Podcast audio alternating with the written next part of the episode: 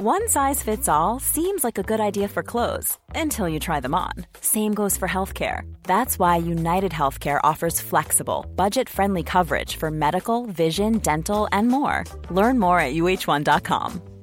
Ever catch yourself eating the same flavorless dinner three days in a row? Dreaming of something better? Well, HelloFresh is your guilt free dream come true, baby. It's me, Kiki Palmer. Let's wake up those taste buds with hot, juicy pecan crusted chicken or garlic butter shrimp scampi. Mm. Hello Fresh. Stop dreaming of all the delicious possibilities and dig in at HelloFresh.com. Let's get this dinner party started. Hey there, it's Michelle Norris. I'm host of a podcast called Your Mama's Kitchen. When I travel, I'm usually looking for a way to find a taste of home when I'm not at home. And one of the things I love to do when I am at home is entertain. And Airbnb allows me to do that. When I was in California recently, I rented a house that had a great kitchen. And when we were sitting around the table, we were all thinking, we're in someone else's house. Someone could be in all of our homes as well. If you have a home, but you're not always at home, you have an Airbnb. Your home might be worth more than you think. Find out how much at airbnb.com/slash host.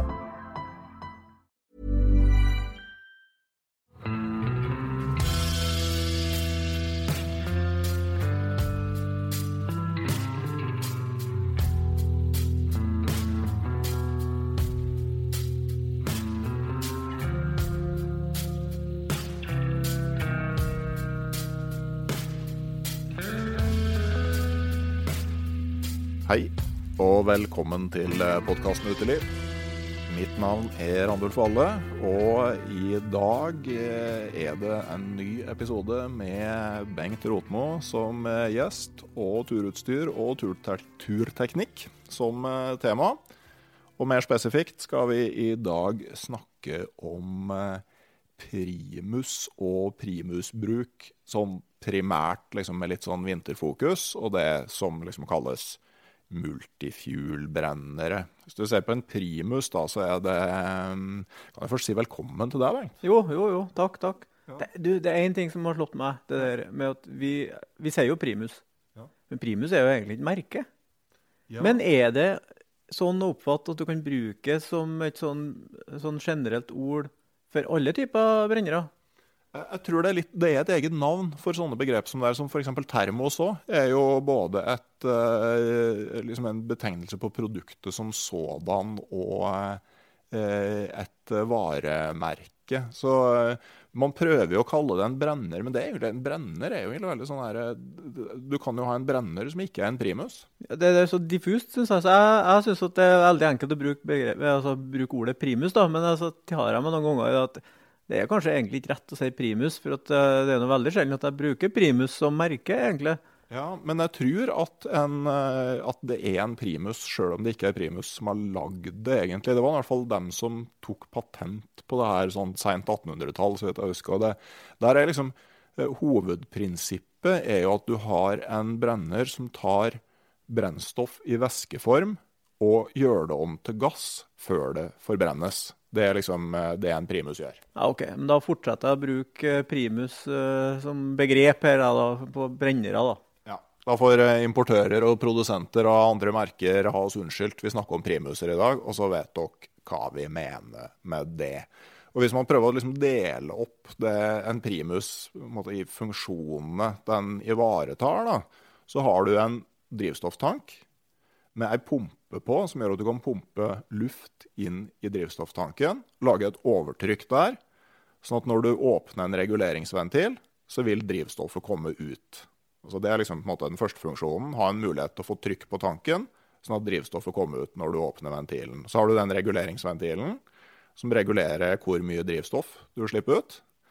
Og så går drivstoffet over til et brennerhode, hvor det først går over i gassform, og så slippes ut gjennom ei dyse, som da rett og slett bare er en veldig liten åpning. Og så går det over i et brennerhode, hvor da den gassen forbrennes. Gjerne med klar og blå flamme og en hyggelig lyd. Ja, ja, ja. Vel, noen ganger veldig mye lyd òg. Ja, det, det, er jo litt sånn uh, forskjellig lydnivå på brennere. Vi skal komme tilbake til det. Men jeg husker jo fortsatt uh, en tur på vinterjakt i Lierne mange mange år siden sammen med en en felles kompis av oss som stort sett svarer sjøl det samme for meg, hvis du spør han om det. Ja, ja akkurat. ja. Vidar du tenker på, regner jeg med. Ja. Og han mener det òg, da. Jeg var veldig bekymra. Jeg var egentlig veldig glad for at jeg ikke visste på forhånd at han skulle gifte seg. For at uh, akkurat den dagen så bør du ikke svare sjøl det samme for meg når presten stiller spørsmålet sitt. Ja, det kan du si. ja, det er sant, da. Nei, han er veldig enkel å ha med på tur, og det er bra sikkert. Ja, Det, det verste er jo at han mener det òg. For det er jo et mareritt å ha med seg folk som sier at det er det samme for meg, og så er det ikke det. Men for Vidar så er det det samme for han, og ja, han har det fint uansett. Eh, men i hvert fall, det var i 2005, og det var ski-VM et eller annet sted. Så vi hadde veldig sånn fin dagsrutine. Oppe tidlig, ute på jakt. Og så kom vi tilbake til teltet, og så hørte vi dagens øvelse på radio. Og så var vi ute på ettermiddagsøkt. Uh, og det der var stor stas så lenge vi hadde igjen parafin. For da brukte vi den gode gamle Optimus 111. Uh, og lå og hørte på radio. Og så var det siste dagen så var vi tomme for parafin. Og jeg fant fram min uh, MSR XGK. Eller jeg husker ikke akkurat hvilken det var. Det kunne ha vært en Optimus Nova eller et eller annet sånt. Men da var det faktisk ikke mulig å både fyre primus og høre på skirenn lenger.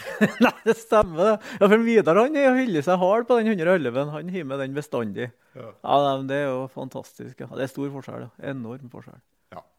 Så det, eh, det, det, er ikke alltid en sånn lavmælt, koselig susing man snakker om. Men, men det med kokeapparat det har jeg registrert at er noe som mange syns er skummelt når du skal begynne med friluftsliv. Og spesielt de eh, primusene, altså brennere for flytende brennstoff. Jeg har lest liksom, folk som sier at altså, de har dratt på overnattingsturer med bare kald mat i starten, og ikke kokt kaffe eller noen ting. For at altså, sjøl en gassbrenner er noe man er redd for. Og det, og det, er jo greit å ha en viss respekt for det her. For det er jo mye energi som er samla på et lite sted. Men samtidig så er det sånn når du, når du blir litt kjent med systemet, så, så oppleves det jo ikke som farlig lenger. Nei, det syns ikke Jeg må nesten tenke på meg hvordan det var. Jeg synes, Hvis jeg skal tenke helt tilbake Jeg husker på når Vidar fikk den der 111 Det det var tidlig. Og da var det sånn uh, komplisert, syns jeg. For at uh, den gangen så skulle du ha sånn pasta nedi der uh, skåla her. Ja, til forvarming. Ja, til forvarming, ja. Så var det parafin, da. For den der går jo bare på parafin. Så det var litt sånn komplisert. At det var liksom to deler mm. som på en måte måtte i vei, da. Men så husker jeg jo på at vi brukte den òg i Forsvaret, og da brukte vi rødsprit. Og det var jo vesentlig enklere, da. Mm. Bare å slå en skvett med rødsprit ned i skåla og forvarme, og så var den i gang, da. Men jeg husker jeg òg på det at det var det at det var to forskjellige ting. At du måtte ha to Først måtte du brenne det ene, og så kunne du brenne. Det var litt sånn komplisert, husker jeg på når jeg var guttungen. Mm. Ja, for at det du, altså, når du forvarmer eh, en, en primus, så har du da litt uh, brennstoff på en måte under brennerhodet. Altså, og så tenner du på det. Det, hvis du fyrer med parafin, så må det fort brenne et par minutter.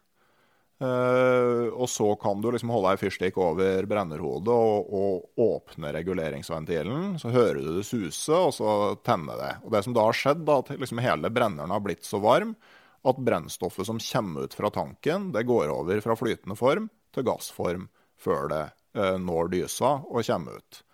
Uh, hvis du tenner på for tidlig, etter for dårlig forvarming, så du, kan du få store, høye, gule flammer. Det er jo et resultat av at det kommer brennstoff i omtrent flytende form ut gjennom dysa. Og det som, det som er poenget da, grunnen til at det blir så voldsomt, er jo at eh, at det kommer mye mer brennstoff ut. For når bensin fordamper, så utvides den veldig. Volumet øker kolossalt mye. Uh, sånn at uh, en kubikkcentimeter med bensingass har mye mindre energi enn en kubikkcentimeter med bensin i flytende form. Sånn at når det kommer bensin i flytende form ut av dysa, så kommer det forferdelig mye energi samtidig. Ja, det gjør det. Ja, det der husker jeg spesielt på når du får Jeg kaller det for blowout. Jeg, da. jeg vet ikke om det er et ord som er, eller begrep som er, er godkjent sånn allment, men vi kaller det i hvert fall en blowout. og Spesielt på parafin eh, Altså når du fyrer med parafin. Så da får du jo sånn skikkelig sånn høye flammer. Hvis du får en sånn skikkelig en. Og den går jo heller aldri i gang, da. Men det skal du sikkert snakke mer om senere. Nei, men, men, i hvert fall det der, å bli kjent med forvarmingsprosessen for din brenner, det er, det er litt viktig. Uh, og, og det, det, som jeg syns er greit, er dem som har en sånn veike uh, under brennerodet, altså litt sånn keramisk materiale eller noe sånt, sånn at du får uh, flammen på en måte lokalisert på et punkt, og det brenner roligere og, og lengre og mer forutsigbart. Ja, ja. Jeg tror de fleste har vel kanskje det i dag, jeg er usikker. Men den der, den der har en tendens til å på en måte brenne opp etter hvert. da. Hvis den blir brukt over lang lang tid, så plutselig er den borte. Så da får du en, i hvert fall hvis du fyrer med bensin, da, så får du en liten sånn boff med samme du, Og så rundt brenneren nå i tillegg. da. Så det kan jo virke litt sånn skummelt, da. Men uh, jeg har jo egentlig aldri hatt noe inntrykk av at det har vært noe farlig, den der boffen der. Og den som på en måte tar med seg all den der gassen som er rundt brenneren. Så, men det som er med forvarming eh, Nå er jeg liksom litt sånn på tynn is, for det her er litt sånn synsing. Men eh, jeg har noen brennere som har gått en del eh, døgn, for å si det sånn. da. Og noen ganger så kan en brenner gå i seks dager, sju dager, og så får han et problem. Og så er en brenner kanskje som går i to år uten noe problem. Og det som jeg tror Nå tror jeg bare. Det jeg tror er årsaken, det er forvarminga, som er for dårlig. Når du på En måte, en brenner som fort går ned, han har fått for, gjennomgående for dårlig forvarming kontra den andre. Og det, og det tror jeg er en sånn veldig sånn gjenganger, da, at du forvarmer for dårlig. Spesielt på bensin. Fordi at du får den i gang mm. tidlig. Men, men, hvis du ikke forvarmer skikkelig, så har jeg en mistanke da, om at det et eller annet som skjer nede i systemet som gjør at det er det legger seg et eller annet belegg inni der, et eller annet sånt som gjør at uh, dysene uh, kok, kokser igjen, bruker jeg å si. da. Mm. For at En sånn brenner som har begynt sånn, han, han er fryktelig vanskelig å få, få, i gang igjen. Skikkelig. Så Det virker som at det er lagt seg et sånt lag med et eller annet inni brenneren som på en måte til stadighet løsner. da. Mm. Og det tror jeg har en sammenheng med forvarminga. Det eh, høres ut som en eh, plausibel forklaring at altså, hvis du får for lav temperatur før du eh, åpner opp, at uh, du kan få noen reaksjoner inni der som du, du, helst ikke vil ha. Når du forvarmer på bensin, så åpner du jo da gjerne bare reguleringsventilen. Slipper ut litt bensin i væskeform. Du hører det suse. Kan f.eks. telle rolig til fire, for, eksempel, for å ha litt kontroll på hvor mye du slipper ut. Det der eh, må du liksom bare øve på. Og så eh, gjerne vente litt før man tenner på, så du får trekke godt inn i veiken. Og så når det er nesten utbrent, så går det an å liksom åpne reguleringsventilen på primusen eh, og starte den med de siste flammene fra forvarminga. Ja, det er en vanlig måte å gjøre på det. ja. Det som jeg bruker å gjøre, i hvert fall på det primusen som jeg bruker, da, det er at jeg jeg åpner, og så selvfølgelig hører du etter lyden. Og så har jeg en, en, par andre kontrollpunkter som vi kan snakke om senere. Men eh, så kikker jeg ned på den veiken der, og så når jeg ser at den begynner å trekke mm. bensin, da begynner jeg å stenge. Mm. For da vet jeg at da har jeg nok. Og det er ganske mye. Det er mye mer enn folk egentlig skulle tro. Mm. Og da brenner han, i, han brenner ganske lenge før han er ferdig for, forvarma. Da. da får han en god forvarming. Altså, god forvarming det er, det er viktig. Uh, og så kan man jo lure på hvorfor i all verden driver vi med den bensinen og parafinen når vi bare kan fyre med gass? Nei, eh, gassen den Jeg har ikke brukt noe mye gass på vintertur. Jeg har prøvd det så vidt. Men det, min erfaring med gassen det er jo det at uh, den brenner dårligere. da, Vesentlig dårligere. Og så får du på en måte ikke utnytta alt. Jeg husker på å ha med en sånn gassbrenner på Finnmarkssida en gang da det var en par og 20 minusgrader. Og Da sto jeg og holdt rundt gassboksen for at den skulle bli varm nok til at den brant skikkelig. da. Mm. Så det, på, når det er kaldt, skikkelig kaldt, så syns ikke jeg gass fungerer. Men det er bare praktisk uh, observasjon som jeg har sjøl. Det er jo ren fysikk. og altså sånn uh, Gassboksen så har du ikke noen mulighet til å pumpe på trykk. Så der er du avhengig av at gassen sjøl har høyere trykk enn omgivelsene. Noe som er avhengig av at gassen over, uh, har en temperatur over sitt eget kokepunkt. Eh, propan koker ved et par og 40 kuldegrader. Eh, men du har òg andre gasser blanda inn der. sånn at, altså, Kort fortalt, du får dårligere og dårligere effekt på en gassbrenner jo kaldere du blir. Uh, funker, funker, mye bedre hvis du snur gassboksen på hodet. Og enkelte med enkelte spesialiserte vintergasstyper, altså Primus har en sånn spesialtype gass, det her skal vi snakke mer om i en annen episode, der har jeg klart å få sånn vedvarende effekt på ca. 1500 watt uh, gjennom hele boksen når du fyrer med boksen opp ned konsekvent. Men det er jo under halvparten av det en, uh, en bensin- eller parafinprimus gir. Og i tillegg, når du skal fyre mye, så blir det forferdelig dyrt å bruke gass. Ja, og så har du jo de gassboksene, da. Mm. De evinnelige gassboksene der som på en måte er oppbrukt. Så jeg vet ikke, jeg bare føler at uh, på en eller annen måte så, så, er det på en måte unødvendig at du ikke skal kunne bruke den der uh, oppbevaringsboksen flere ganger. da. For det er det jo med en uh, vanlig sånn primus, da. Eller en sånn som vi har den. Sånn som den første, den har jo en egen sånn som du bare fyller på, mens de andre har egne flasker. da. Men da, det føles litt rettere da, på en eller annen måte. da. Mm. Ja, det, også I tillegg så er den emballasjen den veier jo mye. sånn at Eh, jeg tenker at gass for lengre vinterturer, det, det styrer i hvert fall jeg unna. Jeg har brukt det på, på korte, sånn, eh, korte, turer hvor, eh, hvor da selve brenneren blir mye lettere. Men, men, for å holde oss til det flytende, da, så er det jo måte bensin eller parafin som liksom er hovedvalget. Altså, hva sverger du til, Bengt? Nei, jeg er klar på det at bensin, bensin er for det første veldig mye enklere. Og så sånn sikkerhetsmessig så har jeg snakka veldig mye om at eh, bensin er så eksplosiv og så farlig og den biten der. Og jeg vil nesten si at parafin er farligere enn bensin på mange måter. Eh, og den ene grunnen det er det at bensin det lukter du veldig lett. Så hvis du har en lekkasje For lekkasje det er jo det som er liksom krisescenarioet.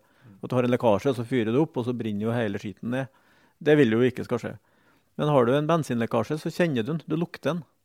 Og det enten om man er i pulken, eller om man er altså hvis du sitter i pulken og og det er en liten lekkasje der, eller det kan være bare det at det er en liten åpning, trenger ikke være lekkasje engang, så kjenner du det. Det lukter. Det er det ikke med parafin. Så det er på en måte den ene grunnen da, til å bruke øh, bensin, spør du meg. da. Mens den andre det er jo det at det er jo vesentlig enklere da, i forhold til forvarming og den biten der. da. Så jeg syns jo egentlig at, øh, at øh, bensin er et bedre alternativ enn parafin. altså. Ja, og så er det jo sånn at altså, Du bytter jo dyse ut fra hva slags drivstoff du skal bruke på, på brennerne. Uh, du bruker ei mindre dyse på parafin enn på bensin. Men så er det jo sånn at altså, resten av brenneren, altså luftinntakene, uh, kan ikke optimaliseres for alle drivstoff samtidig, for å forklare det veldig enkelt. Altså, det har jo det har å gjøre med at eh, molekylene har forskjellig størrelse. Et uh, bensinmolekyl er større enn et gassmolekyl, og et parafinmolekyl er større enn et bensinmolekyl. Uh, litt sånn forenkla. Og så er det sånn at trykket i en gass det er avhengig av hvor mange molekyler du har, ikke hvor stor de er.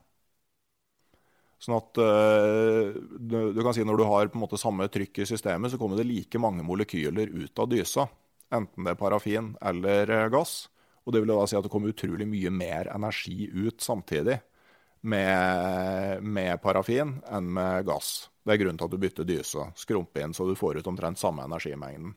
Men samtidig så endrer det luftstrømmen ut av dysa. Du vil få en annen luftstrøm med samme energimengde parafin enn med gass. Og det påvirker på en måte hvor mye luft du drar med deg gjennom luftinntakene. Så ideelt sett skal luftinntakene på brenneren være forskjellig designa, eh, avhengig av om du bruker parafin, bensin eller gass. Men de, de er jo fast.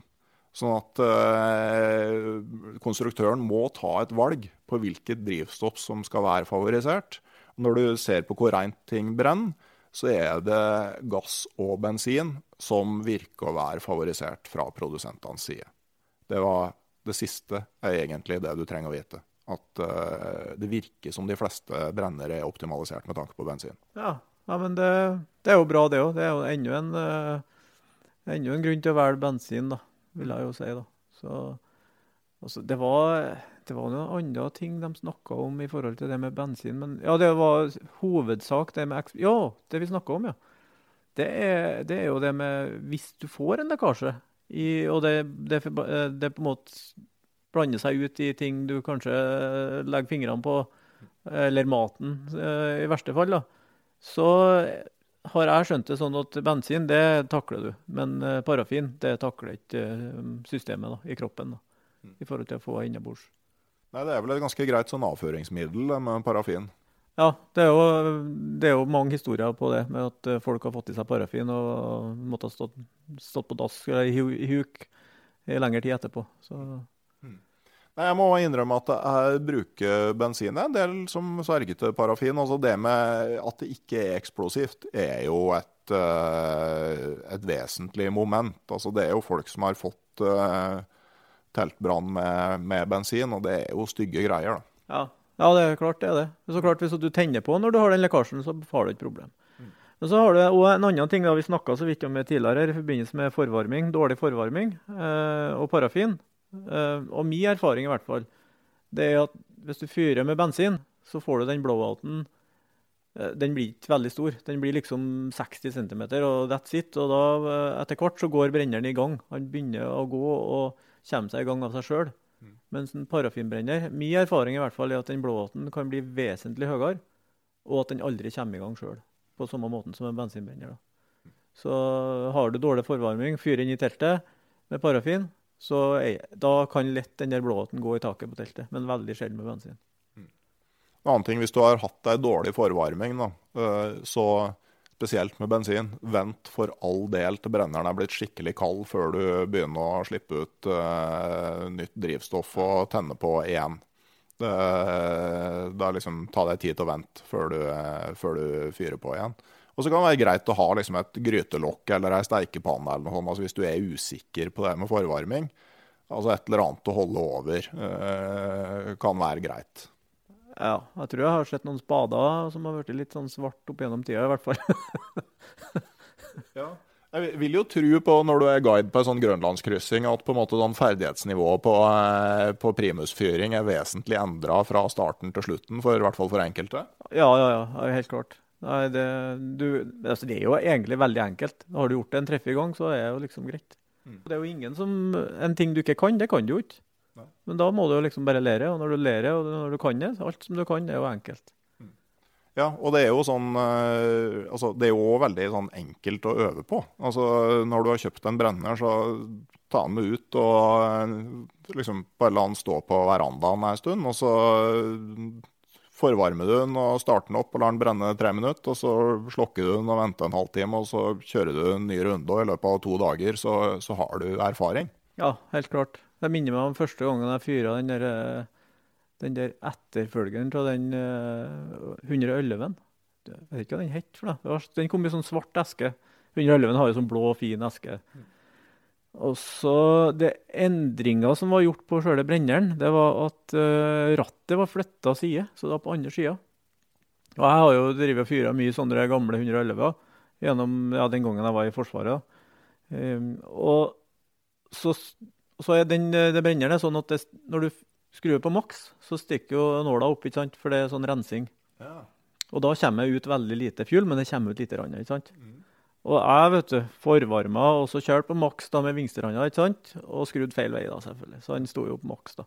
Og fyrer på forvarming da, med rødsprit, og det var parafin. da. Og hele brenneren, vet du. Begynte jo, For da fikk han hele tida litt parafin, ikke sant? Mm. Så hele greia var jo helt svart. Det var første gangen jeg fyra opp den der primusen der. Og Den så ikke ut etterpå, men jeg så jo fort etter hvert hva som var årsaken. da. Men det var rett og slett fordi han bytta side, og jeg tenkte jo ikke i mitt stille sinn der jeg satt. da. Jeg skrudde jo på maks jeg da, i stedet for å stenge. da. Det er jo en sånn eh, klassiker med alt av Altså at hver gang du gjør en endring i et system, så øker ulykkesrisikoen eh, ganske kraftig. Så det er jo altså har du en brenner som du er godt fornøyd med å kjenne godt, ikke bytt. Nei, da er det bare å holde seg til den. Ja. Jeg er enig i det. Mm. Men vi nevnte det her med støy. Uh, muligheten for å høre ski-VM samtidig som du fyrer primus. Det, det, det, er jo kanskje ikke det som ligger aller øverst på prioriteringslista, men det er jo hyggelig, da. Uh, det er greit å vite at det finnes to sånn grunntyper av brennerkonstruksjoner. Det er det som kalles virvelbrennere, og det som kalles stillebrennere, med sånn relativt innarbeida eh, begrep. Eh, virvelbrenneren, der eh, sitter dysa montert i bunnen av noe som minner om en kopp. Og så går gassen liksom opp i et slags sånn lokk over det her. Og ned igjen og møte gassstrømmen på vei opp. Da får du en veldig sånn god blanding av, av, gass og luft. Og du får en sånn der pulserende runding eh, med brennende gass. Uh, ulempen er jo at det her bråker ganske kraftig. Du får sånn jetmotorlyd. Uh, men, men det Du får da ganske kraftig støy. Uh, andre alternativet er at du i stedet for å sende gassen ut i den koppen, så kommer den opp gjennom et brennerode som gjerne har noen små høl eller små spalter. Uh, og da får du mer en sånn koselig, koselig susing. Så jeg prøvde å måle litt på det her, da, og fant ut at uh, stillebrennere målte jeg fra 176 til Nei, ikke 176. Fra 76 til 82 desibel. Og de virvelbrennerne gikk fra 87 til 91. Eh, greit å vite at eh, desibelskalaen er logaritmisk, sånn at eh, økning på 10 betyr da en eh, tidobling. Sånn at eh, det er vesentlig høyere lydnivå på de her eh, bråkebrennerne. Det er ikke noe tvil om det. Jeg har nå stort sett i senere tider brukt bråkebrennerne. Han, blir jo litt sånn vant til den lyden der, da, men det er jo Når du, hø når du på en måte hører den der stillebrenneren, da kan du jo snakke vanlig. Da kan du snakke helt sånn som om at du, du Ja, samme hva det er. Og du hører hva som skjer på utsida av teltet. Mm. Det gjør du ikke med en sånn uh, bråkebrenner, nei. Det, da er liksom teltet, og så er det litt sånn Han må kauke, da, som jeg sier, da, til hverandre når, når han snakker. Så det lydnivået, det er helt ekstremt.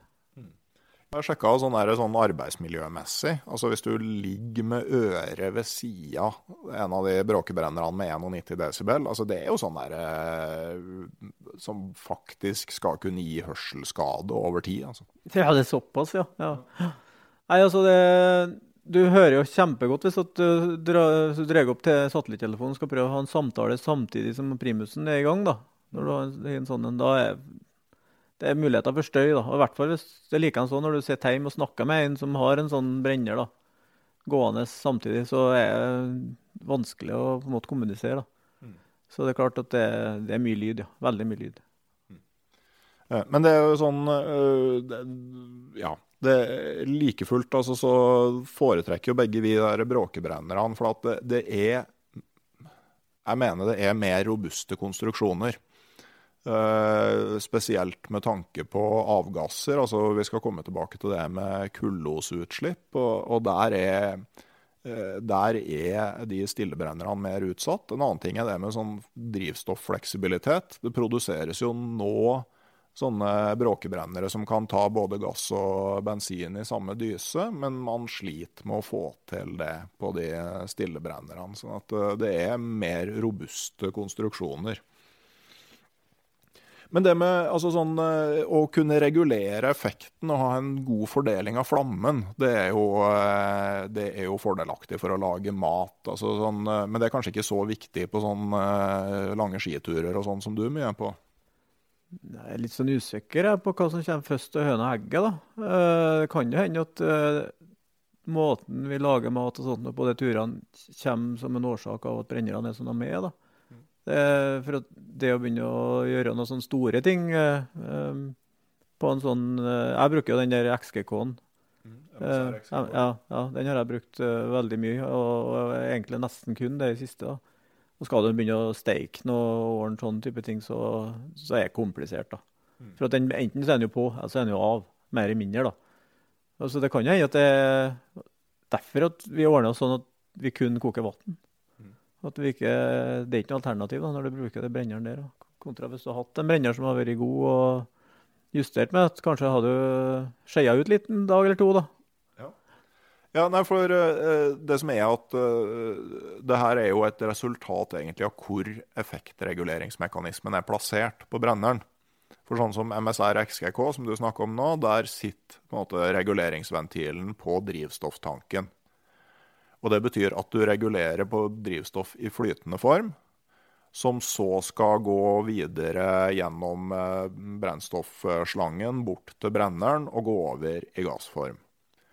Eh, en del andre brennere har reguleringsventil som sitter på sjølve brenneren, og som kommer etter at drivstoffet har gått over til gassform. Det er to ting som er litt viktige der. Det ene er jo det som allerede er nevnt, med at volumet til ett gram gass, eller ett gram bensin i gassform, er mye større enn ett gram bensin i væskeform. Så kan du prøve med kjøkkenkrana. Sette den på fullt, og så prøve å skru ned til halv. Det er ganske enkelt. Og så kan du ta kjøkkenkrana og skru den ned sånn at den nesten er avskrudd. Og så prøve å regulere mengden der. Det er mye vanskeligere. Altså, Du har et mye større volum å regulere på når du regulerer på gass. så er det enklere å regulere. Og I tillegg så slipper du forsinkelsen fra reguleringsventilen og fram til brenneren. Så, eh, så liksom skal du ha en brenner til å lage mat på, så må du ha en hvor reguleringsventilen sitter på sjølve brenneren. Jeg er litt usikker på hvorfor man velger den andre løsninga. Ja, det er vel års... Altså Det som er med sånne brennere, det er jo det at de er jo egentlig Det er jo navet i hele En sånn lang tur, da, mm. skitur på, på vinteren, så er navet i hele turen. Mm. For ja. ut, uten den brenneren der, så får du ikke vann. Nei, jeg tenkte mer på hvorfor produsentene velger å ha reguleringsventilen på, eh, på tanken. Det er mulig at det er, at det er, mindre utsatt for feil. At det å ha en reguleringsventil etter at du har hatt den der forgassingsprosessen, gir større mulighet for tetting og koks og sånn i reguleringsventilen. Det må nesten de svare på for seg sjøl, men det er jo det som er årsaken til at vi velger de brennerne vi gjør. Eh, det er sikkerheten i forhold til drift. da. Mm. Og for det er klart, vi, Hvis brenneren ikke fungerer, så har du ikke problem. Og da vil du jo helst være den brenner som du er sikker på fungerer. Og en sånn ja, ta nå den XGK-en, da, men det er flere typer som er noenlunde like. da. De er veldig enkle å få i gang hvis uh, et eller annet skjer. Mens erfaringene mine med sånne brennere hvor du justerer gassstrømmen, mm. er at de er litt mer komplisert. Det er, mer, det er, mulig at jeg tar feil, altså, men altså at det er flere deler da, som du på en måte uh, må ha et forhold til. Det kan være. Uh, det kan være. Uh, når vi kommer over til liksom effekten til brenneren, så, så, er det ofte litt sånn begrepsforvirring ute og går hos folk. Altså sånn, uh, men det, det, er to begreper som man bør ha et forhold til. Det ene er hvor høy effekt brenneren har. Og det handler egentlig kun om én ting. Det er hvor mye drivstoff klarer den å forbrenne på en gitt tidsenhet. Uh, og, og, det er jo altså du, Det er ikke egentlig et eksakt begrep, for det handler jo veldig mye om hvor mye trykk du pumper på tanken. Det er jo det som regulerer hvor høy effekt du får. Måten du måler det på, er rett og slett bare å måle uh, hvor mye drivstoff som uh, brennes f.eks. i løpet av et minutt. Og så kan du slå opp i tabeller og finne energiinnholdet til drivstoffet og regne fram til effekten. Så det er det ene. Eh, det andre er virkningsgraden, som handler egentlig sånn når du koker vann, handler om hvor mye av energien fra drivstoffet klarer du å overføre til vannet. Og det er eh, en kombinasjon Altså det, det er en verdi som sier noe om kombinasjonen av kjele og brenner. Hva slags kjele bruker du på tur, Bengt? Nei, nå er jo jeg veldig farga av de målingene som du har gjort opp gjennom tida. da, Men uh, jeg bruker egentlig en helt vanlig flatbunna kjele, femliterskjele og en XGK. That's it, altså. Mm. Enkelt og greit. Og, eh, jeg har, har, drevet og hatt noen kjeler som eh, hvor vi har hatt et sånt system rundt, en sånn svær niliterskjele og et jotunsbånd. Eh, men det handler mer om eh, ikke virkningsgraden jeg er ute etter, men sikkerheten i forhold til bruken. egentlig. Så jeg, jeg oppfatter ikke, i hvert fall ikke på de turene som som har vært ute på de siste årene, det er jo egentlig Hvis du ser stort på det, så er det jo forholdsvis korte turer. Du er liksom én måned, måned, ut. og du klarer å ta med deg fuel for den måneden der om du bruker litt mer den ene dagen, eller du legger på 0,1 dl eh, per dag, så, så, vil du ikke merke egentlig, sånn i forhold til vekta på pulken og den biten der. Så, så drivstofforbruket er egentlig kjempekritisk. Og I tillegg så vil du gjerne ha litt varme i teltet. ikke sant?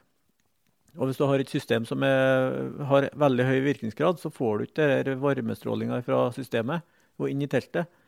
Uh, så jeg har egentlig ikke eh, kikka så forbaska mye på det der med å få høy virkningsgrad på, på systemet i seg sjøl.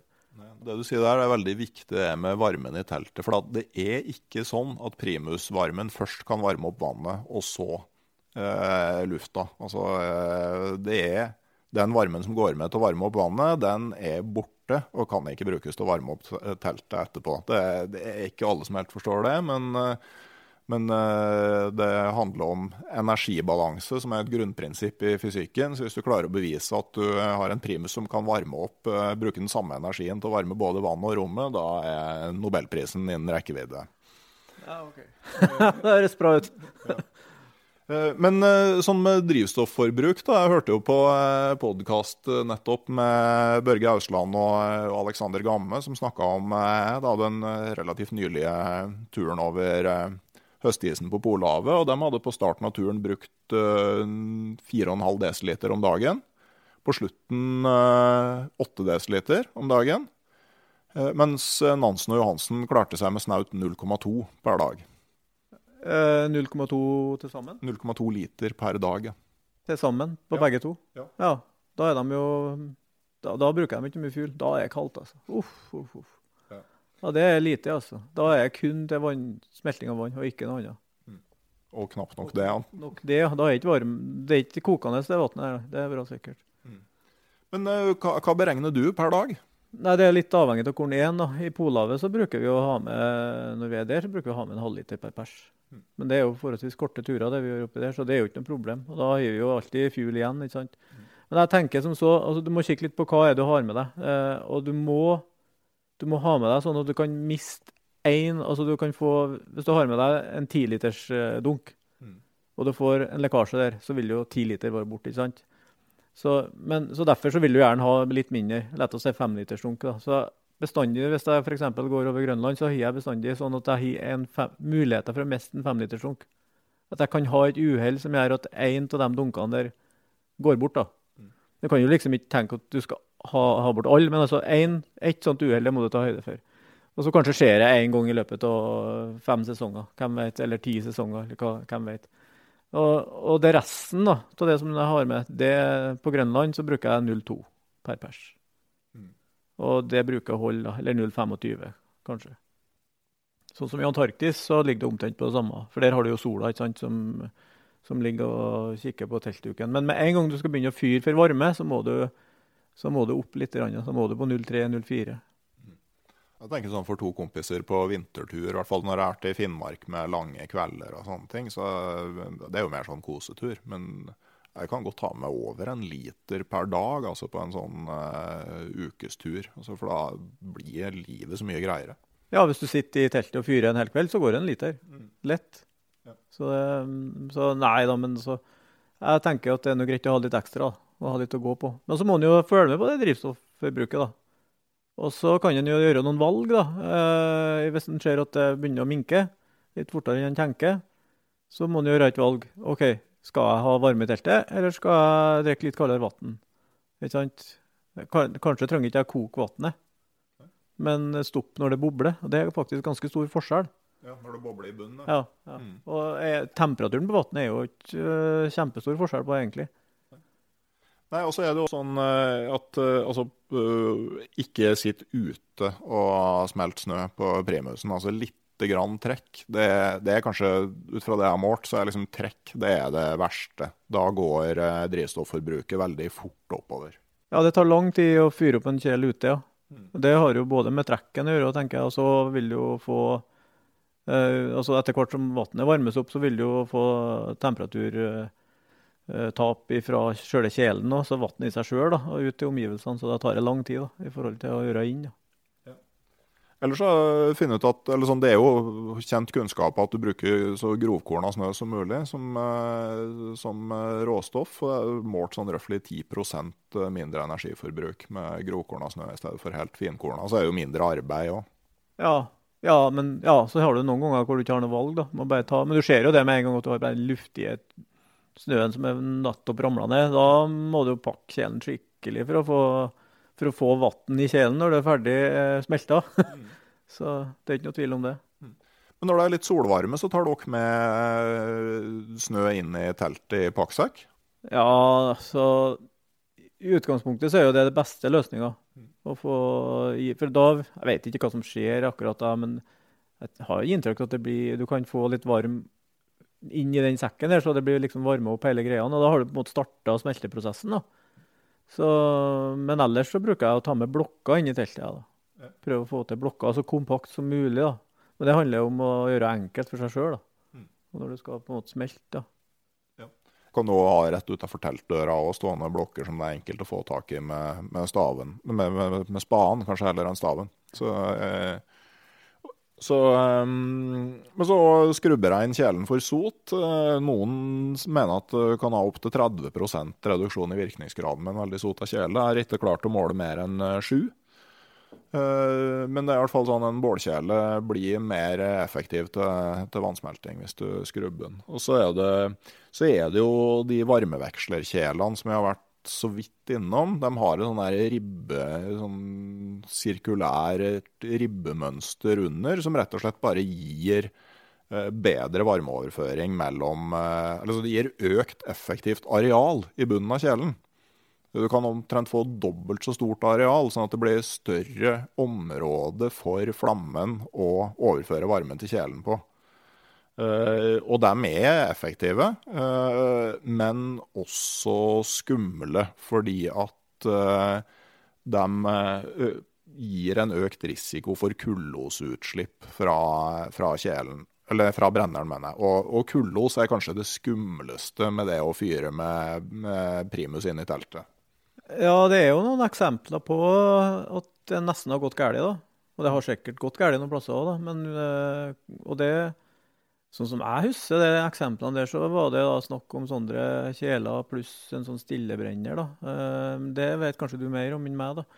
Men jeg tenker som så, da. Jeg, jeg hører jo på alt det der forskninga som du har gjort rundt de brennerne der. og så flatbunna kjele og en enkel primus, så er ting safe. da. Og jeg tenker at uh, sikkerheten den er jo den som går overalt, egentlig. da.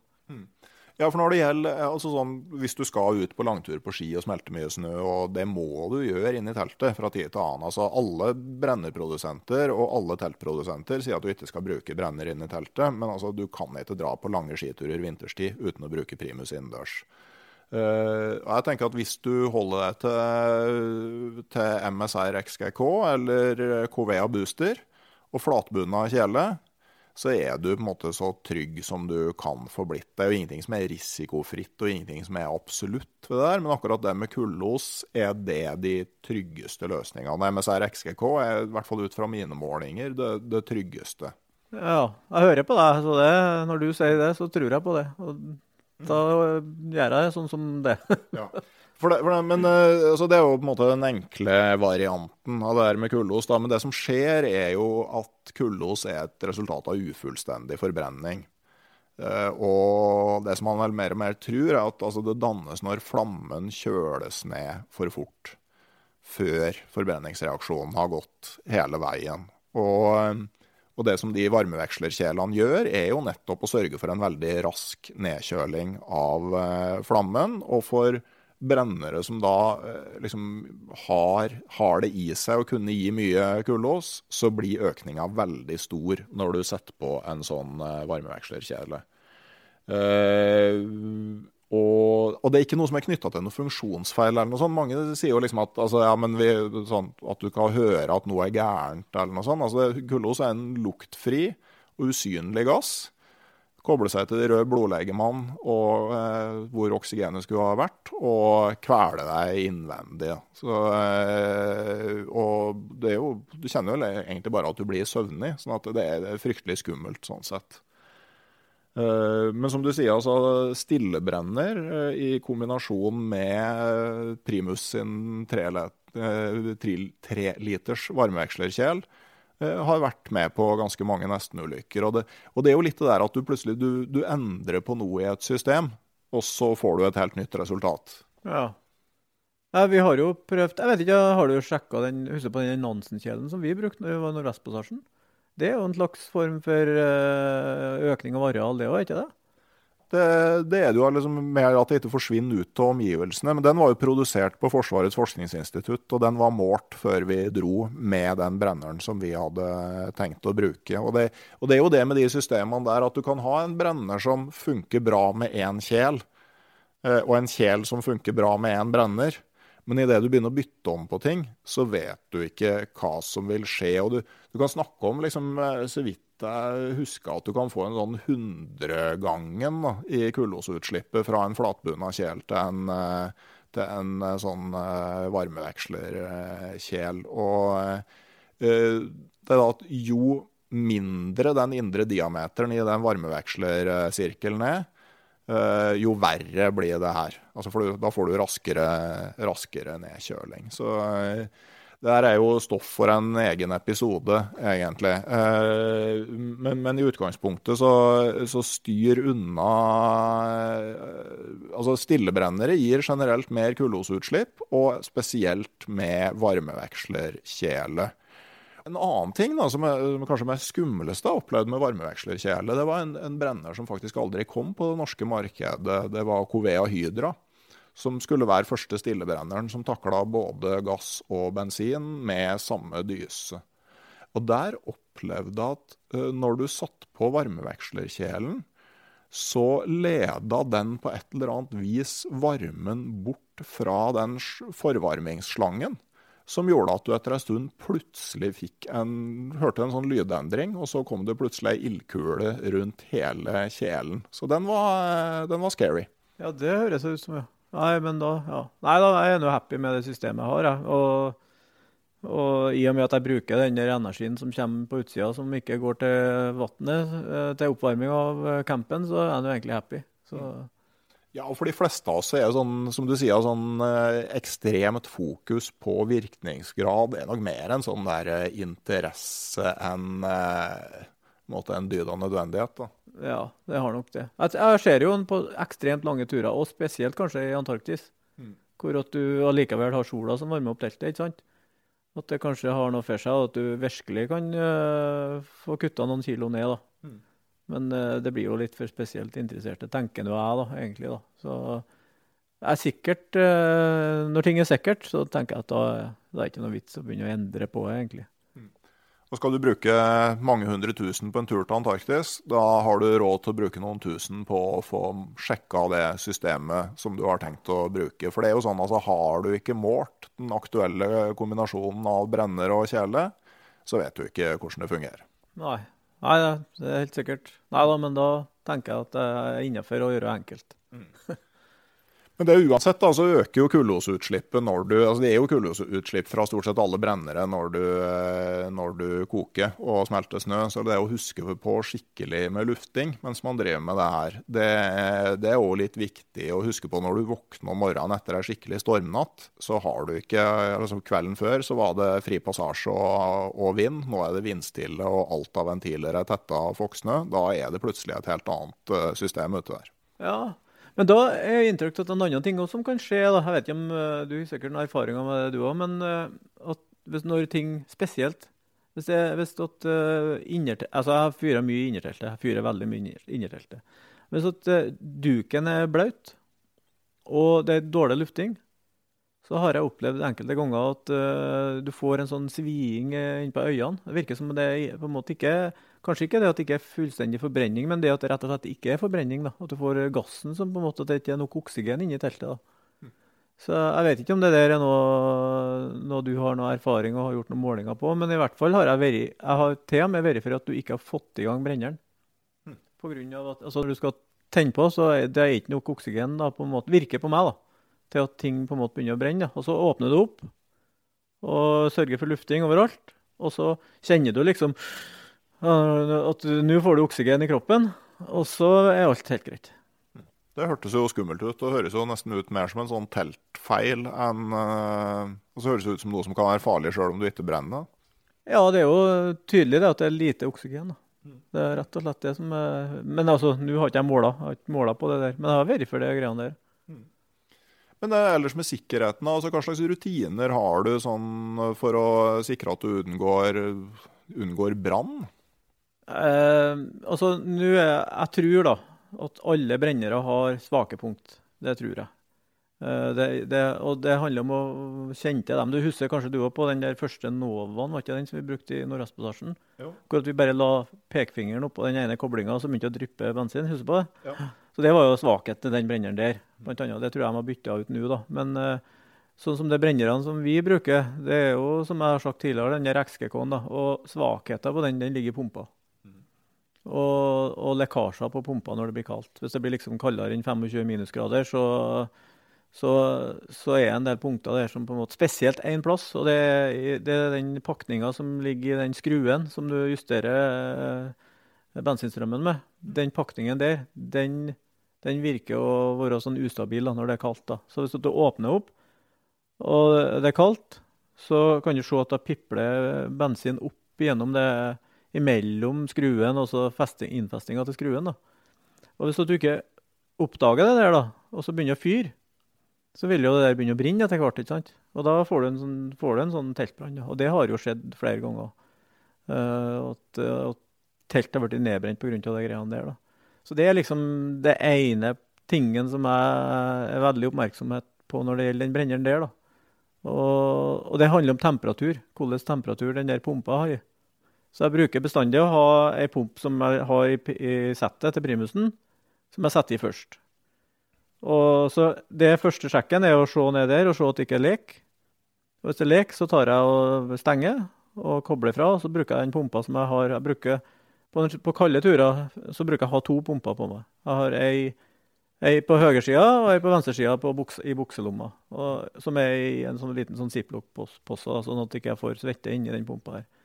Og da er temperaturen på den eh, normalt sett da, i hvert fall eh, varmere enn minus. da. Så da er alle pakninger god og fin.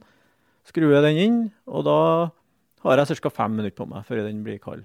Og da kan jeg fyre opp i løpet av fem minutter, som regel. Og hvis ikke det går, så har jeg mulighet nummer to. Og hvis det ikke går, så må du jo drive og varme opp det der eh, punktet der med handa. da. Så da legger jeg bare handa rundt og sørger for at det der er kjett da, før jeg på en måte fyrer opp. da.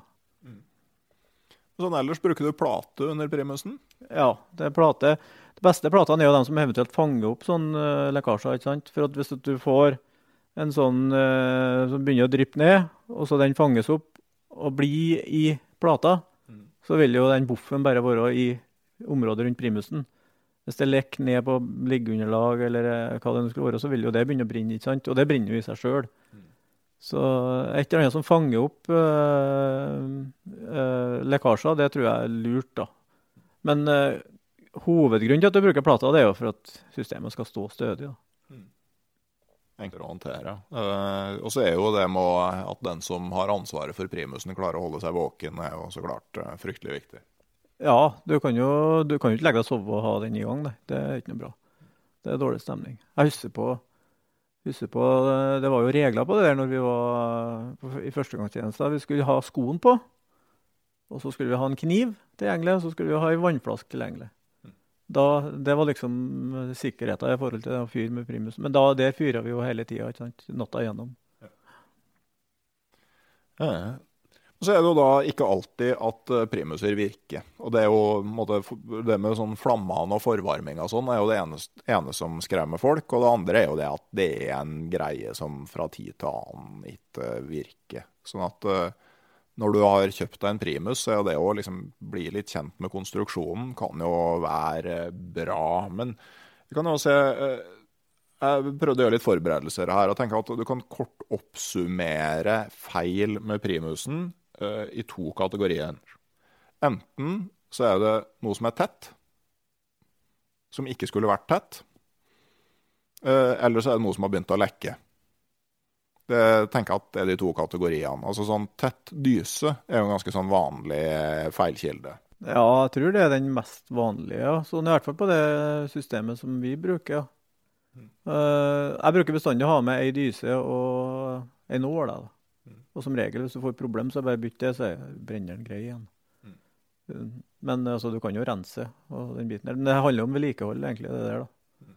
Så i hvert fall det, når det gjelder dyse og den biten der, så handler det om vedlikehold. Jeg tror hvis du er veldig nøye med vedlikeholdet, at du hver eneste gang Lett å si da, at du hver eneste dag da, har dratt ut den der tråden som eh, i, i tilførselsledningen skulle jeg til å si, og rensa og alt det der, så tror jeg du har hatt en brenner som går veldig bra. da. Men det gjør det jo ikke. da. Men at mm, med jevne mellomrom i hvert fall Ja. drar dem ut.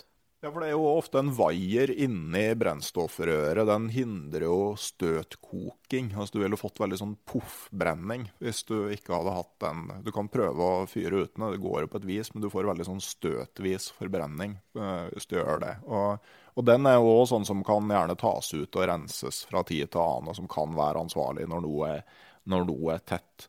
Men så har du òg drivstofffilteret. Ja, det er vel litt forskjell fra brenner til brenner, det der, ikke det? Ja, både om det har eller hvor det sitter hen. Ja. ja, jeg mener, husk på det brenneren vi brukte i Nordvestpassasjen. Den har et sånt filter eh, akkurat på inngangen til brenneren. som ja. mener, Det husker jeg på. det var, når det gikk kjett, så slutta jo brenneren å fungere. og Da dro vi jo bare ut det der filteret der, og da brant den litt annerledes, brenneren, men den fortsatte å brenne. og Da var den jo grei, da. Mens uh, den der uh, MS-eren som vi har snakka ganske mye om nå, den har jo den der uh, tråden som du snakker om. Og jeg har, har jo verifiert det at du ikke har hatt sjanse å fått ut den der. Da er det mye som uh, gurba som ligger nedi der, altså. Men uh, det er jo òg en del som har drivstofffilter på drivstoffinntaket nede i tanken. Og det lurer jeg på om en del av MSR-brennerne har etter hvert òg. Ja, det, på, det, står på pumpa. Ja. Så pumpa har den der. Og det er jo noe som kan gå kjett. da. Mm. Så jeg har nå for at du ikke har fått ei pump til å fungere, og så har du bare drigget av det filteret, så har liksom pumpa vært grei. da. Og, og, det er jo en del av de brennerne som har sånn tank som du kan snu opp ned. Altså hvis du, eh, hvis du pumper, og det er trykk på tanken, og det ikke kommer ut drivstoff, men når du snur tanken opp ned, så kommer det ut luft av brenneren. Da er det sånn tegn på at da er drivstofffilteret tett. Ja, OK. Ja. ja det har ikke jeg vært borti. Ja, men jeg har vært borti det og tatt bort det der filteret på pumpa som ikke har fungert. Mm. Men jeg har nå gjerne med flere pumper, da, sant? så er det noe som ikke funker, så bytter du bare pump. ikke sant? Ja, for det å ha et uh, repsett med, med ja, ekstra dyser, også den der uh, plata som ligger over brennerhodet på, uh, på virvelbrennerne, og så ha ekstra pumpe, da er du ganske sånn Og ekstra pakninger. Da begynner du å bli ganske godt rusta. Ja, da er du safe, vil jeg påstå. Mm. Men det, det, som er med å bytte pakninger, da skal den være nøye. Mm. Altså, Den skal være forsiktig, og, og, så, så at de ikke vrir seg. Hvis du ruller på en pakning, sant, så kan det på ene sida så kan du rulle en gang mer enn på andre sida, så du får en sånn liten sånn øh, Hvis du skjønner meg? Ja. ja at det ikke ligger Så må du være veldig forsiktig på, på å presse på den pakninga, sånn at det blir rett. da. For jeg har vært før og prøvd å ordne sånne pumper, og at de har blitt i vær nesten. Når du har bytta pakninger. Da. Men da er det som regel det som er årsaken. da. At du har kanskje rulla en gang da. Ja. Når, du, når du ruller på. Eller når du, når du setter deg på. Hvis du ikke ruller, så er det mye bedre enn hvis du ruller pakninga på, hvis du skjønner meg. Ja. Ja, for da f.eks. rundt eh, åpne, eller sånn der, der pumpa slutter ned mot drivstoffflaska, så har du ei pakning. Ja, den pakninga den er enkel å bytte, for den er bare skyv inn. Da skyver du, men da må du må passe på at den skyver litt her. På hver side da, så går hele veien rundt, da, så den skyver gradvis inn. At den ikke bare trykker inn, for da kan den gå rundt. Mm. Og da vil den bli ukjett. Mens den andre pakninga som vi snakker om, det er jo den som ligger rundt, uh, rundt den skruen. da. Nå snakker jo MSR-benderen, da, den, eh, den, pumpa deres. Den er litt sånn vanskelig å få godt på. da. Så det er nesten sånn at hvis du har en lekkasje der og du klarer å varme den opp sånn at den eh, ikke, ikke lekker, så er det nesten likere det enn å begynne å bytte der og få et eller annet som kanskje ikke fungerer i hele tatt. da. Så, men har du ei pumpe ekstra, så er det jo enkelt. ikke sant? Da bytter du bare pumpa. Og har du ei dyse og ei nål, ekstra, så er jo det er jo en lett operasjon. Å bare vippe opp det der eh, skåla, så skru det ut, og så kakker du ut alt i hop og prøver å Kanskje samtidig drar du ut den der, eh, den der eh, vaieren som vi snakka om, og pusser rent. Og så kan du snu vaieren. Det er det, det vi har gjort, for da får du da får du de der skitpartiklene lenger ut, da, kan du si. Så da vil jo de bli fanga opp i systemet før de kommer til, til dysa. Og så setter de inn kanskje en ny dyse og en ny nål, og da vil jo den brenneren gå i lang tid. En annen sånn feil er at når du begynner å pumpe, så er det ingen motstand i pumpa i det hele tatt.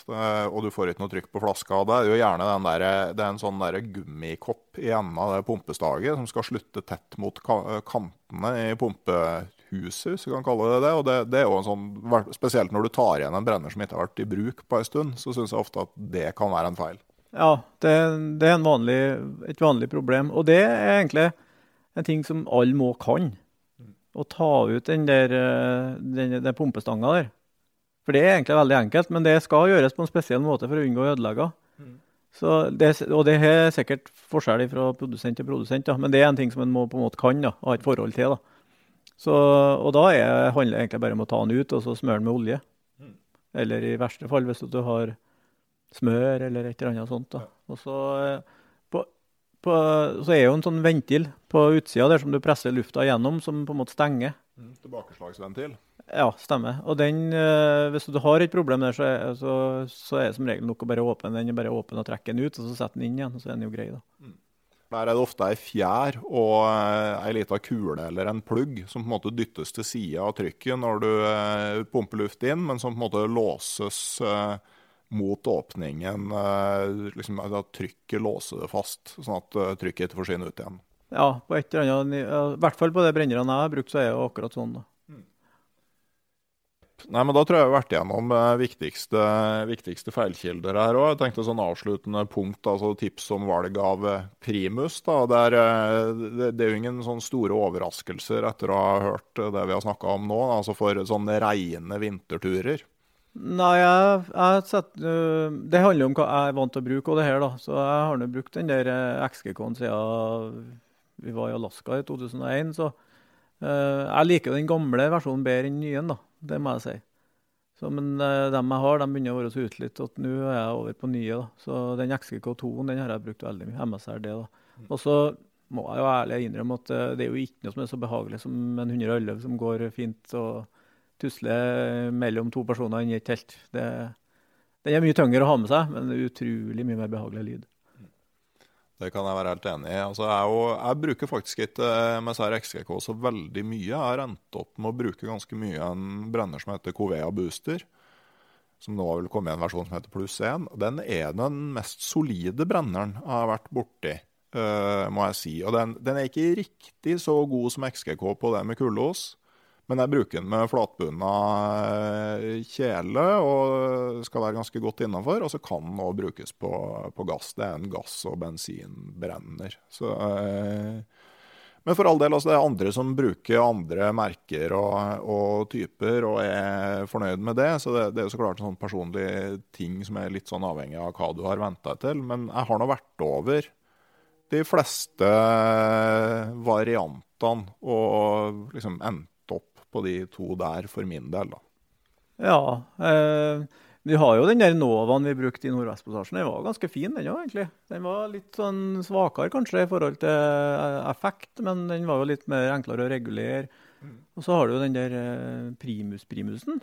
Ja. Den har vi jo brukt en del, og den har jo egentlig funka greit, den òg. Eh, ja, Primus Omnifuel har du, eh, men eh, Optimus Nova den er spesielt. Hvis du putter parafin på den, så får du eh, veldig eh, høye kullosnivå. Og paradoksalt nok spesielt med Optimus sin egen varmevekslerkjel som er lagd for den brenneren. Eh, I hvert fall var det det siste jeg målte på det. Ja, det er godt mulig, det Så, Men ja, nei, jeg holder meg til det som jeg har brukt, jeg, da. Så. Det vet jeg andre som gjør òg. Altså sånn, eh, folk som er mye på tur, og som har en brenner de har hatt i aldri så mange år, kjenner den, er fornøyd med den. Og, og det er kanskje det beste rådet. Altså velg en brenner som du blir ordentlig kjent med, og som du virkelig kan. Ja, det tror jeg er et godt råd. Det tror jeg. Så gjelder det da bare å vende, øve masse til eh, det med å ligge og høre på en, eh, en, en brenner som enten vræler eller suser, suse, eh, blir en, en, et sånt bilde på trygghet, ikke på noe som er skummelt. Ja, det høres bra ut. Med det så tror jeg vi sier tusen takk for nå fra podkasten Uteliv, og så er det en ny episode ute før du veit ordet av det. Ha det bra.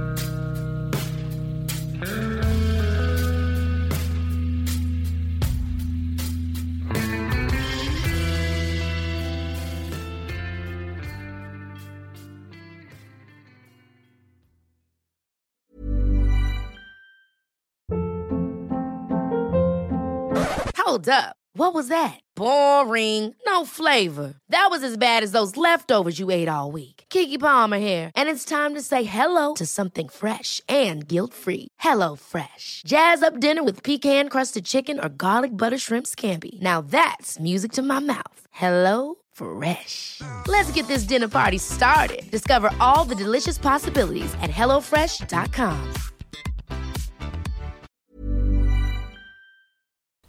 Hei, jeg heter Nore Helligsen og er daglig leder i Barents Outdoor.